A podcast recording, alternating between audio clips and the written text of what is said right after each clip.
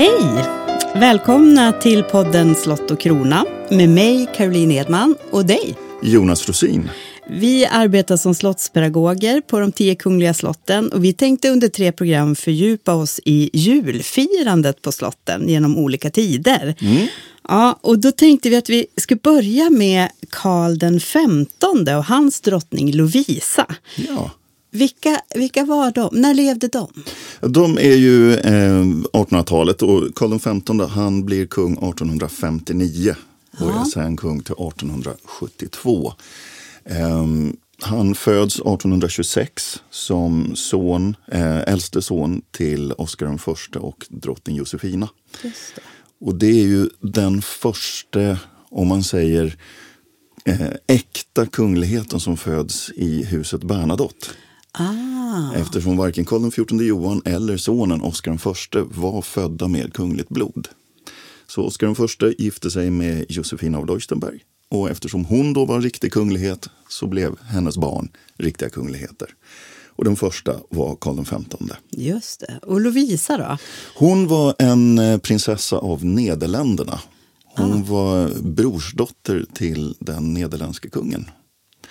Ehm, och hon var ett eh, väldigt bra parti, trodde man. För hon var protestant och eh, familjen, eh, den nederländska kungafamiljen var ju väldigt rik. Så man räknade med att det skulle bli en väldigt stor hem, hemgift. Just det. Men så blev det inte. För eh, pappan var ganska snål. Så hemgiften blev väldigt låg. Du, jag har tänkt på en grej. N- när man alltså när vi pratar om kungarna och drottningarna i historien, hur, titul, hur ska jag, om jag frågar dig nu med Karl XV och Lovisa, får man säga, eller ska man säga kung? Nej, Karl det den- tycker jag inte. Nej. Inte, inte med de historiska kungarna. Nej, Då, då kan vi använda deras namn. Ja. Jag är till och med så, så fräck så jag brukar eh, kalla Karl XV för Kalle. Ehm, Det gjorde man va? Ja. Svenska folket gjorde det. Precis, Ja. Kronkalle brukade han kallas. Och han var ju faktiskt en sån kung som var väldigt folklig. Han är ju den populäraste kung vi har haft. Kanske inte för vad han gjorde politiskt utan just för sin personlighet. Ah. Väldigt folklig, umgicks med vem som helst, eh, tyckte om att festa. eh, och han är den första svenska kunglighet som duar folk. Ah, vilket, så en tid, ja, vilket i en tid av eh, sträng titulering var väldigt skandalöst. Men Ah. han sa du och eh, tog en bägare med vem han träffade på. Jag tänker, om man tänker den, någon slags sån här innovation som kom från den här tiden. Det, kameran, var Mm. den, kom den under hans... eh, Ja, eh, Karl XV är faktiskt årsbarn med fotografit. Aha, Eh, Det äldsta bevarade fotografiet det kommer just 1826, samma år som, som Karl XV föds. Finns det fotografier kvar från deras tid? Eh, ja, På dem? På dem, Ja. jajamän. Det, det finns till och med hovfotografer från deras tid. Så att det var absolut en stor sak. Ehm, och Karl XV han var väldigt intresserad av teknik så att han följde med i eh, kamerans utveckling också. Jag tänkte, vi ska ju prata lite om jultraditioner. Mm. Mm. Eh, hur vet vi egentligen hur Karl XV och Lovisa hur de firade jul? Just med de två så är det lite småsvårt. Ja, Ehm, det finns inte många direkta källor. nej. eh, eller förstahandskällor. Eh, Karl XV var ju en notorisk utrensare. Så eh, han såg till att väldigt mycket slängdes. Både när först hustrun då Lovisa avled och sen han själv. Eh, Ehm, så eh, de har inte skrivit så mycket om det. Utan det vi får göra det är ju att titta på de få eh, rester som finns kvar i Slottsarkivet och sen titta på vad andra har sagt om eh, det kungliga julfirandet.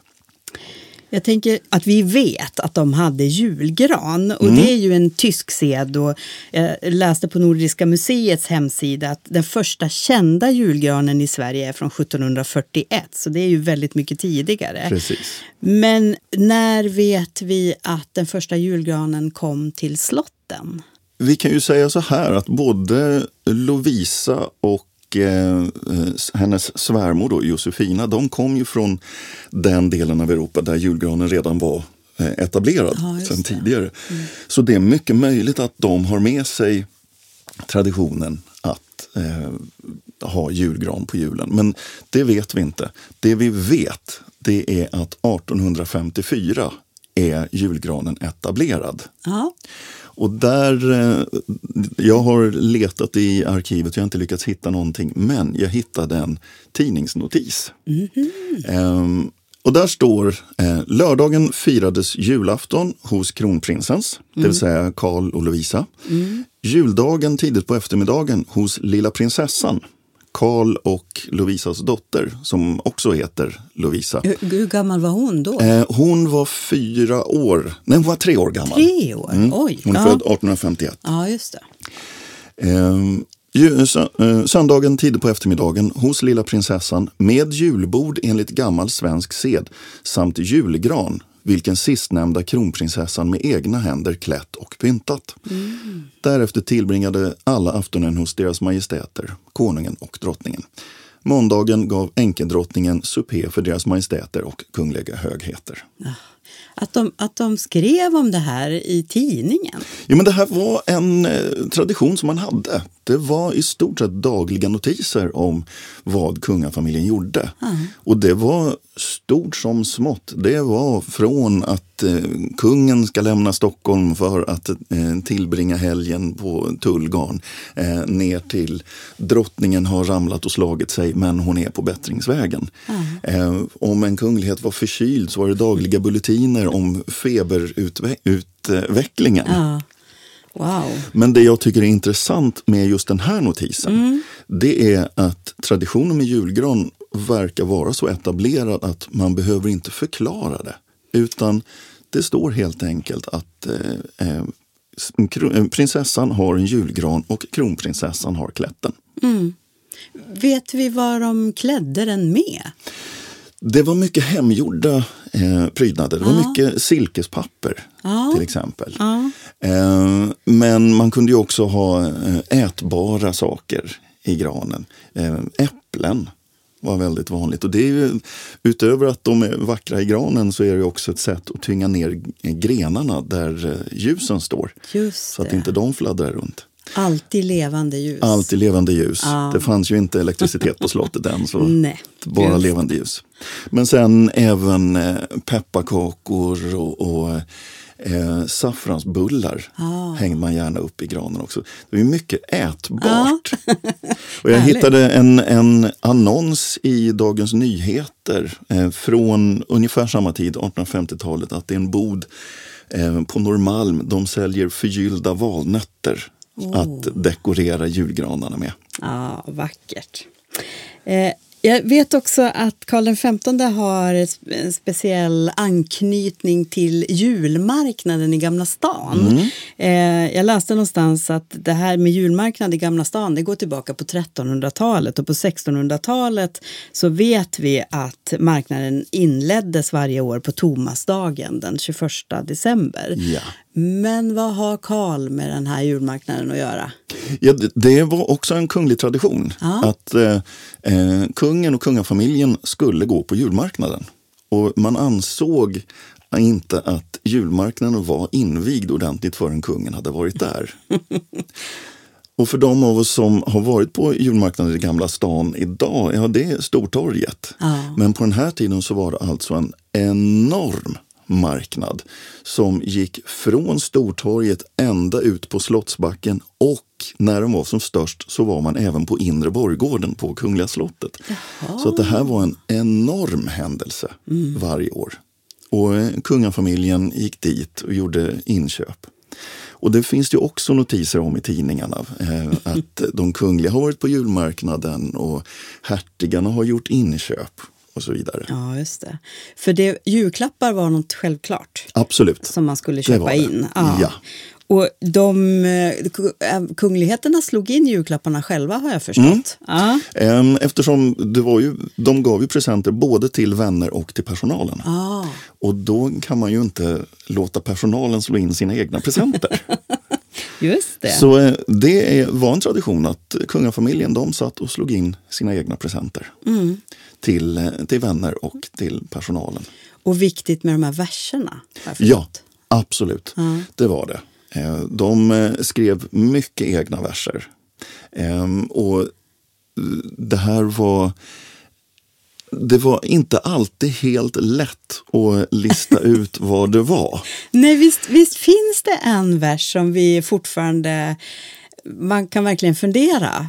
Vad, det, Mm. det gör vad, det. vad finns det i det här paketet? Ja, ehm, vi har en av de bästa källorna till eh, vardagsliv i Karl XVs eh, hov. Det är hans hovman Fritz von Dardel som har skrivit, eh, sina, han har skrivit dagböcker som finns utgivna i flera band. Just det. Eh, som är väldigt rolig läsning. Eh, för där framträder verkligen Karl XV som, som en levande människa. Och eh, där skriver han eh, ett år att eh, eh, han och de övriga i personalen, de har redan innan jul fått veta vilka verser eh, de ska ha på paketen. Okej. Och Dardel suckar lite över att det är helt omöjligt att förstå vad det är i det här paketet. Har du versen? Ja, jag har den faktiskt här. Ehm, och det det står då på paketet är att söka efter solskens stunder, därtill jag brukas visst ibland. Men om Oidipus hållit mig i hand, han hade åtskilt gröna lunder. Kan du räkna ut vad det är för något? Nej, jag har ingen aning. Det Nej. låter jättemystiskt. Är det någon som lyssnar på den här podden så hör av er eh, och ge oss tips vad Mm. det skulle kunna vara. För det är ingen som riktigt vet det där va? Ja, alltså, han skriver sen eh, på juldagen lite om presenter han har fått. Ja. Och av de presenter han räknar upp så finns det bara en enda som möjligen skulle kunna passa in och det är en silverljusstake. Att man ska lysa upp och då kanske man ser. Men jag personligen tycker inte att den riktigt stämmer in. Så jag vet inte hur Nej. Karl tänkte där. Klurigt, vad Ja. roligt. Och den här Darden, han, är ju också, han tecknar ju en hel del, eller hur? Mm. Det gör han. Eh, och vi har en teckning som också är väldigt speciell och lite mystisk kan man ju säga, vad den faktiskt föreställer. Ja. Va- det, är, eh, det är en teckning, den finns på Nordiska museet. Ja. Och det är en teckning som föreställer julafton 1853 Mm. eh, på Kungliga slottet. Just det. Och det är det enda som står på den. Eh, så att vi får ingen mer hjälp. Men det är ett stort rum och där sitter vad som då är förmodligen är kungafamiljen med gästerna. Och in kommer rullande eh, ett stort skepp, ett stort fartyg på hjul. Draget av antingen barn i eh, vuxenkläder eller småvuxna personer av olika sort. Eh, och i det stora fartyget så sitter ett par och de har med sig stora mängder paket. Eh, och man kan till och med se namnet på några av paketen. Och bakom det här fartyget så kommer ytterligare en, eh, en tunna rullande, alltså ett ölfat, vinfat. Och på det sitter en liten Bacchusfigur och skålar. Och jag är så nyfiken på vad skedde där? Var det bara en rolig, en rolig händelse eller var det en tradition att man hade det? Men jag har inte lyckats hitta någonting om det. Nej, så är det någon som lyssnar och har sett den här, vi lägger ut den här bilden också så att man kan gå in och titta om man lyssnar. Så har ni, har ni någon kunskap om den här så hör gärna av er till oss för att det här är, det är, väldigt, det är en väldigt fin bild och det verkar som att det är väldigt roligt. Det är De ser ut att ha väldigt roligt på den här maskerad. festen. Ja. Ja, som kommer in tågandes med de här julklapparna. Och vad, hur det här har, kan ha gått till eller varför det ser ut så här, det, det, det tar vi gärna emot Mm. förslag från er som lyssnar. Hur, hur var det med sång och musik i den här familjen? Väldigt mycket sång och musik. Ja, visst var det ja, det. Det här var ju en väldigt eh, konstnärlig familj Ja. från första början. Och kan ju bara ta som exempel att eh, Karl XVs far, då, Oscar I, var en väldigt begåvad kompositör. Och vi har faktiskt brev från eh, Beethoven till Karl XIV Johan bevarat.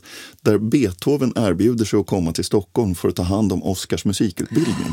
För att han är så talangfull. Oj, Nu blev det inte så, Nej. men vi har brevet kvar i alla fall.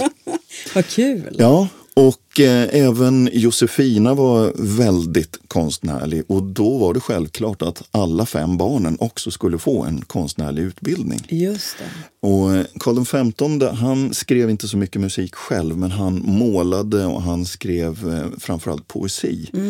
Eh, den av syskonen som är mest känd eh, för sin, sin musikaliska ådra, nämligen prins Gustav. Ja. Som vi känner idag som sångarprinsen. Just det. Eh, som skrivit både Sjung om studentens lyckliga dag. Så, just det. Lägg precis. märke till lyckliga dag. Jaha. Det är nämligen bara en dag enligt originalmanuset. Eh. Och det sjunger man nästan aldrig, eller hur? Nej, det gör vi inte. Men han skrev eh, en egen julevisa Mm. som, eh, som framfördes ganska ofta i familjen. Ah. Och eh, vi kan ju ta vår signaturmelodi till den här podden. Den är ju faktiskt skriven av systern, prinsessan Eugenie. Ja. Så det är en väldigt konstnärlig familj. Ehm, Karl XV själv, han var väldigt förtjust i att sjunga. Det vet vi. Men det verkar som att han sjöng hellre än bra. Ja, jag har förstått det. Ja, han, var, han var ganska stolt över sin, eh, sin sång. Han, Ja. han hade en, en stark och mäktig bas. Men som hans sånglärare ska ha sagt vid något tillfälle, en stark men inte helt tonsäker bas. Och det här finns ju också beskrivet i Dardels dagböcker hur man försöker förhindra Karl att eh, ständigt brista ut i sång. En, eh, en julsång som Karl mycket väl skulle ha kunnat sjunga, det är ju Å helganatt. Ja, För den kommer alltså i svensk översättning precis vid den här tiden. Så den har nog Karl stått i slottets rum och sjungit för mer eller mindre roade gäster. Ja, vad härligt. Eh, jag tänkte också naturligtvis åt dem. Det hörde vi ju också i tidningsartikeln. Ja, precis. Hur såg ett julbord ut vid den här tiden? Eh, ja, det, eh, det de skriver i, artikeln då om julbord enligt svensk sed, Ja. det har jag tyvärr inte hittat. Nej. Eh, om, om, det är väl inte det julbord vi tänker på idag. Eh, precis. Eh, ut- med någon variant. Men det vi vet är att eh, traditionell julaftonsmiddag på slottet, det var lutfisk och risgrynsgröt. Eh, Medan man eh, inte åt skinka förrän på juldagen. Då åt man skinka och grönkål. För enligt traditionen, man ska ju inte bryta fastan förrän på juldagen. Nu vet vi också att de inte riktigt höll på det här. nej. Så att visst, lutfisk och risgrynsgröt. Men jag har också hittat till exempel 1867 års julaftonslunch. ehm, då man åt kalkon, småfågel, kaviar, korv.